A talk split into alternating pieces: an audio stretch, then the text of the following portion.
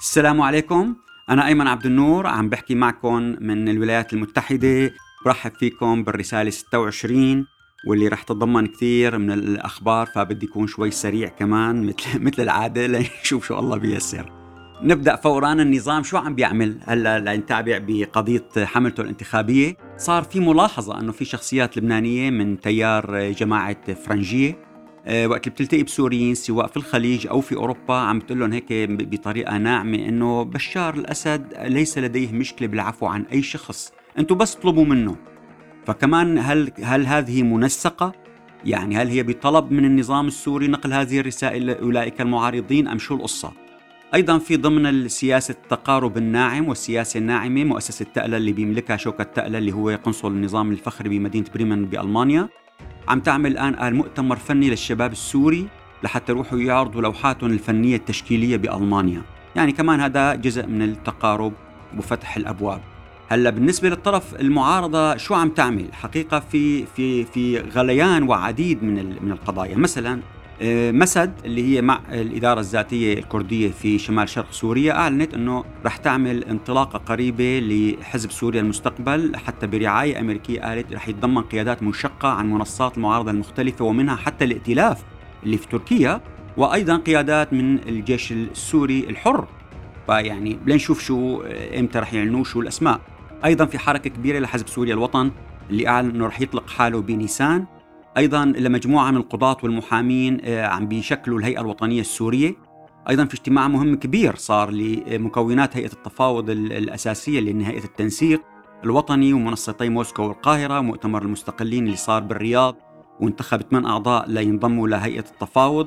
عملوا اجتماع مشترك وقرروا إنه ينسقوا مع بعض. فكمان هي كتلة جديدة وازنه يعني ممكن بكرة تعمل شرخ أو تشق هيئة التفاوض بالنص وتطلقه وإذا اعترفوا فيها دول ثانية تكون قصة لأنه هدول المستلمين هن الهيئة التفاوض هي المظلة تبع اللجنة الدستورية فيعني لنشوف شو اللي رح يصير. هلأ ضمن هالجو مركز حرمون آه، أطلق مبادرة كان قدمها للائتلاف بحزيران يونيو 2016 يعني قديمة صار لها أكثر من أربع سنين ونص وما انتشرت يوميتها. لكن الحقيقة مهمة وفي كثير من السوريين صوتوا لها وصار في تداول فيها بوسائل التواصل الاجتماعي إنه يعني شيء آه، مهم. ف خلينا نقول مثلا شو المحاور هدفها بتقول إنه لا بديل من الاستقواء بالسوريين.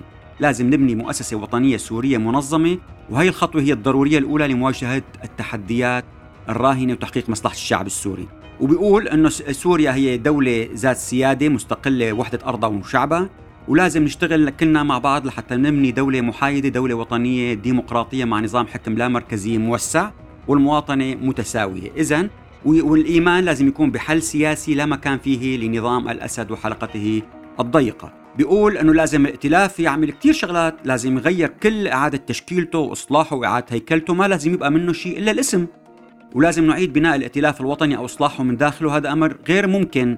لذلك هو شو بيقترح؟ إنه يصير تشكيل من الهيئة العامة للائتلاف يختاروا 155 شخصية من الناس المعروفين بالنزاهة بالوطنية اللي ما تابعين لأي دولة ما مستزلمين لأي حزب ما بعرف شو لدوله إقليمية. هدول الناس هن بيقرروا بقى بيقولوا إنه نحن ما بقى نترشح لعضوية الائتلاف وما بنترشح حتى للمرحلة الانتقالية لحتى يكونوا محايدين ونزيهين. وبالتالي رأيهم مسموع بيكون رأيهم نهائي وبيحطوا هن الرؤية السياسية والبرنامج السياسي وبيضعوا الهيكل التنظيمي والنظام الداخلي الجديد للائتلاف الوطني. ولاقت هي كثير قبول لأنه هو خلص مركز حرمون لخلاصه سؤال قال نحن قدام طريق الإصلاح والتغيير. هذا قدامنا طريقين.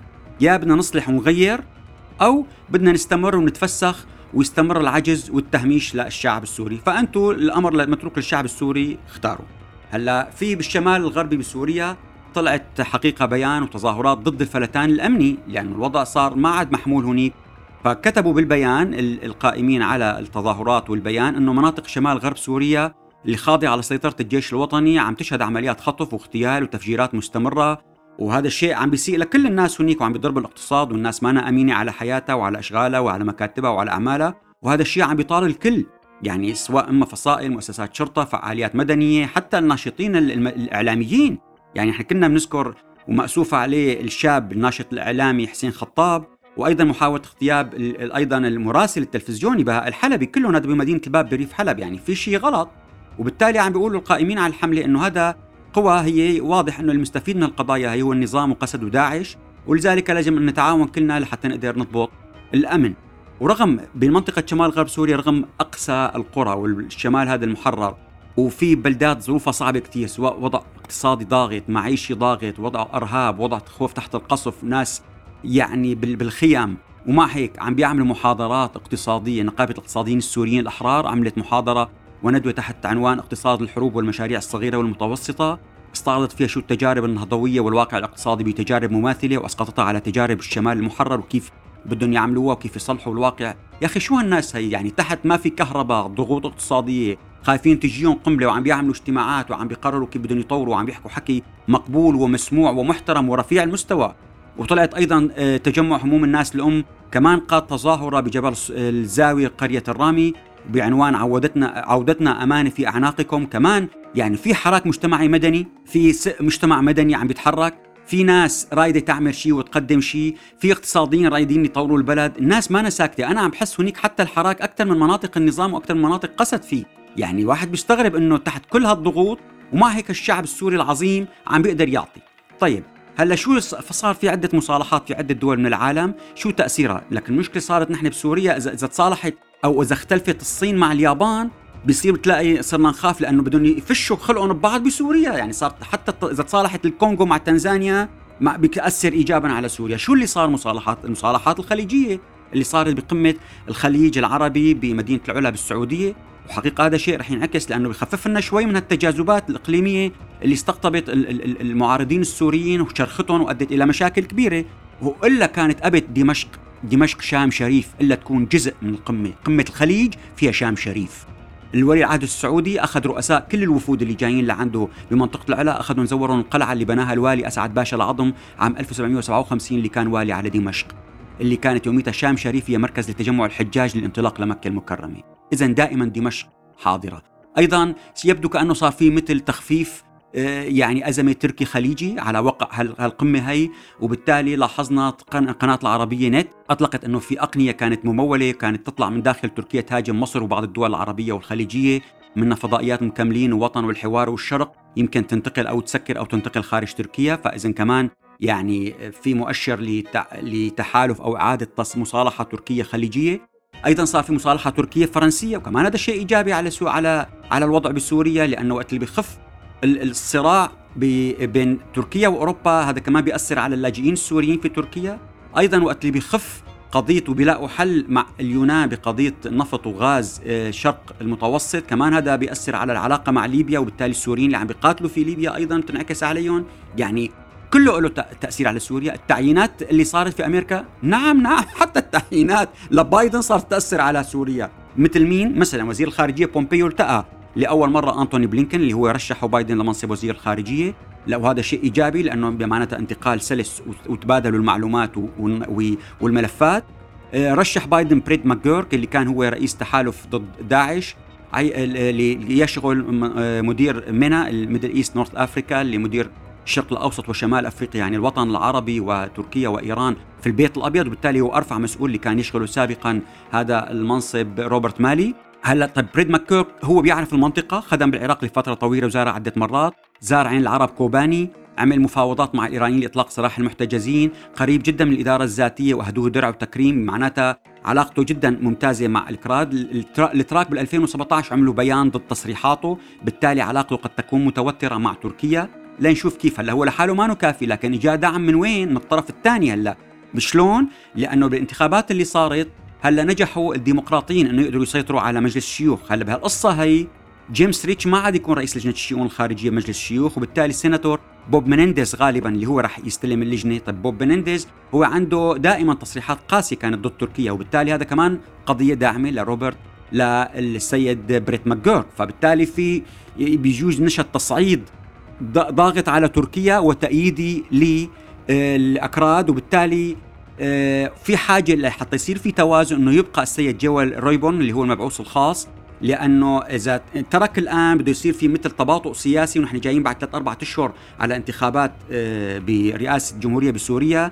ففي في عندنا مشكلة. هلأ جوال ريبون عمل زيارة كثير ناجحة كانت جدا من أربع أيام للإمارات والأردن وعمل لقاءات مع سوريين جدا ممتازة بدبي بعد ما تغير كل برنامج الزياره كان بده يروح على دبي صار راح اول شيء على أبو ظبي.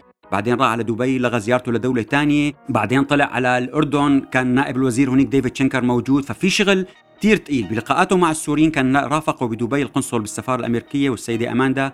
والسيد خلي خليني أرجع قبل ما أنسى بس لقصة ليش لازم يبقى جويل. لأنه خبرته كبيرة بالمنطقة خبرته بسوريا بتفاصيل مكوناتها بيعرف الأشخاص جدا وقابلهم سواء بالعمل السياسي أو المدني شخصيا بيعرفهم شخصيا بدق لهم تليفون واحد واحد. بيعرف مسؤولي الملفات عن سوريا بكل الدول النافذة وذات العمل داخل سوريا وبالتالي بيقدر يدق على التليفون يمشي الأمور. طاقته كبيرة للعمل وما كان متأثر. يعني وقت اللي قال الرئيس ترامب إنه انسحبوا قدر يحافظ مع السفير جيفري على الوجود وبالتالي هذا كمان شيء إيجابي. ونتمنى إنه يبقى لحتى نقدر على القليلة لبعد انتخابات رئاسة الجمهورية. بعدها ممكن يجيبوا واحد ديمقراطي لأنه هذا منصب سياسي. هلأ توفت طفله بعفرين من البرد والجوع. وصار في كثير حقيقة يعني سعد الدين بزري كتب كلام قاسي جدا على المنظمات المجتمع المدني اللي عددها تصوروا أنتم 90 90 بعفرين 90 منظمة مجتمع مدني وتترك طفلة تموت. لك حرام عليكم خافوا الله. فشو قال لهم سعد الدين بزري؟ إنه كتب حكي جدا قاسي ضدهم وانه انت عبارة لصوص وقتله ومرتزقة والقصة هي. طبعا هلا الدكتور أحمد طرقجي اللي هو رئيس أحد المنظمات وكان رئيس سامس في أمريكا جدا شخص محترم كتب كتاب رد عليه بطريقة جدا رائعة. قال اولا روسيا هي المنتج الأول والمصدر الأول للقمح بالعالم وبالتالي قادرة كانت تبعث لو بدها اكتفاء ذاتي لسوريا من القمح. إيران عليها عقوبات أكثر من سوريا وبالتالي ومع هيك نجحت إنه تعمل علاقات مع أمريكا تفصل الملف الإنساني الغذائي بينما النظام السوري ما عم بيقبل إلا ياخذ كل هو يستلم كل الغذاء ويسكر المعابر لحتى ياخذها يوزعها عن طريقه ويسرقها ويبيعها إما للجيش أو الشبيحة، إذا الحق على عليه. بينما إيران كانت أشطر منه. إذا الحق على النظام السوري وشبيحته وليس على منظمات الأمم المتحدة، وقال إنه في بعض المنظمات بلشنا نلحظ عم تحاول تدعم إنه لازم نرفع العقوبات عن النظام السوري. وهي منظمات اغاثيه لازم مجتمع مدني ما تحكي بقصه معناتها في شيء ترتيب مع النظام. هلا نقطة في أيضا طرحت قضية أنه وليد المعلم توفى ب 16 نوفمبر تشرين الثاني اخوه محمد توفى ب 11 ديسمبر اللي كان مدير عام شركة سوريا الالمانيه للاتصالات. ما حدا جاب سيرة إنه أخوه الثاني اللي هو مهندس الديكور هشام صاحب محل الدمشقية للحلويات مقابل دامر بالشام كمان توفى ب 28 ديسمبر. طب معقولة هو يتوفى؟ شو نسبة إنه تصير شخص يتوفى واخينه يتوفوا خلال 15 يوم؟ الجانب الثاني الإيجابي ابنه لوليد المعلم خطب بنته لرجل الأعمال خالد حبوباتي بدمشق. هلا في شيء ما حدا جاب سيرته ابدا اللي هو إعادة محكمة المحكمة الاقتصادية من سيئة الذكر بالثمانينات اللي كانت تعدم الناس وتشيل وتحط. اعادوها بطريقة قانونية جديدة وتسمية مودرن لحتى تخفي الحقيقة. بعد ما أعلن وزير المالية إنه هيئة مكافحة غسل الأموال وتمويل الإرهاب راح يفعلوا البند رقم 19 المختص بجرائم التهريب الضريبي ب 1 1 2021 شغلوها؟ وهي شو؟ هي معناتها كل واحد متهرب بيتهموك إنك أنت متهرب ضريبيا بيحولوك على هيئة بيطلع القرار إنتهى لا بدك محكمة ولا شيء. فاذا كمان مشكلة. صار في عزا بدبي أقاموا المنتج إياد النجار. آه، جزاه الله خير لحاتم آه، علي. حقيقة صار في آه، كذا نقطة يعني لطيف ذكرهم مثلا في فنان اجى دخل ما سلم على حدا نهائيا خايف. في مجموعة ظلت قاعدة برا برات الأوضة. في ناس دخلت. هلأ في أحد المجموعات اللي كانت قاعدة سأل واحد منهم قال لك ليش النظام هيك عم بيعامله لهالطريقة لحاتم علي وما شارك ووقفوا ضده ومانعوه؟ رغم إنه ما صرح بجملة مباشرة ضده. أهم جاوبه واحد من القاعدين قال له لو كان صرح ما كان قدر نفذ مسلسلات قلم حمراء اللي عرض فيها الاعتقال والتعذيب ولا كان آه، عرض آه، رموز أجهزة السلطة وصراعاتهم بالعراب نادي الشرق بال 2015 والعراب الثاني تبع اللي تحت الطاولة بال 2016 واللي انتجهم إياد نجار تحت الحزام العراب تحت الحزام.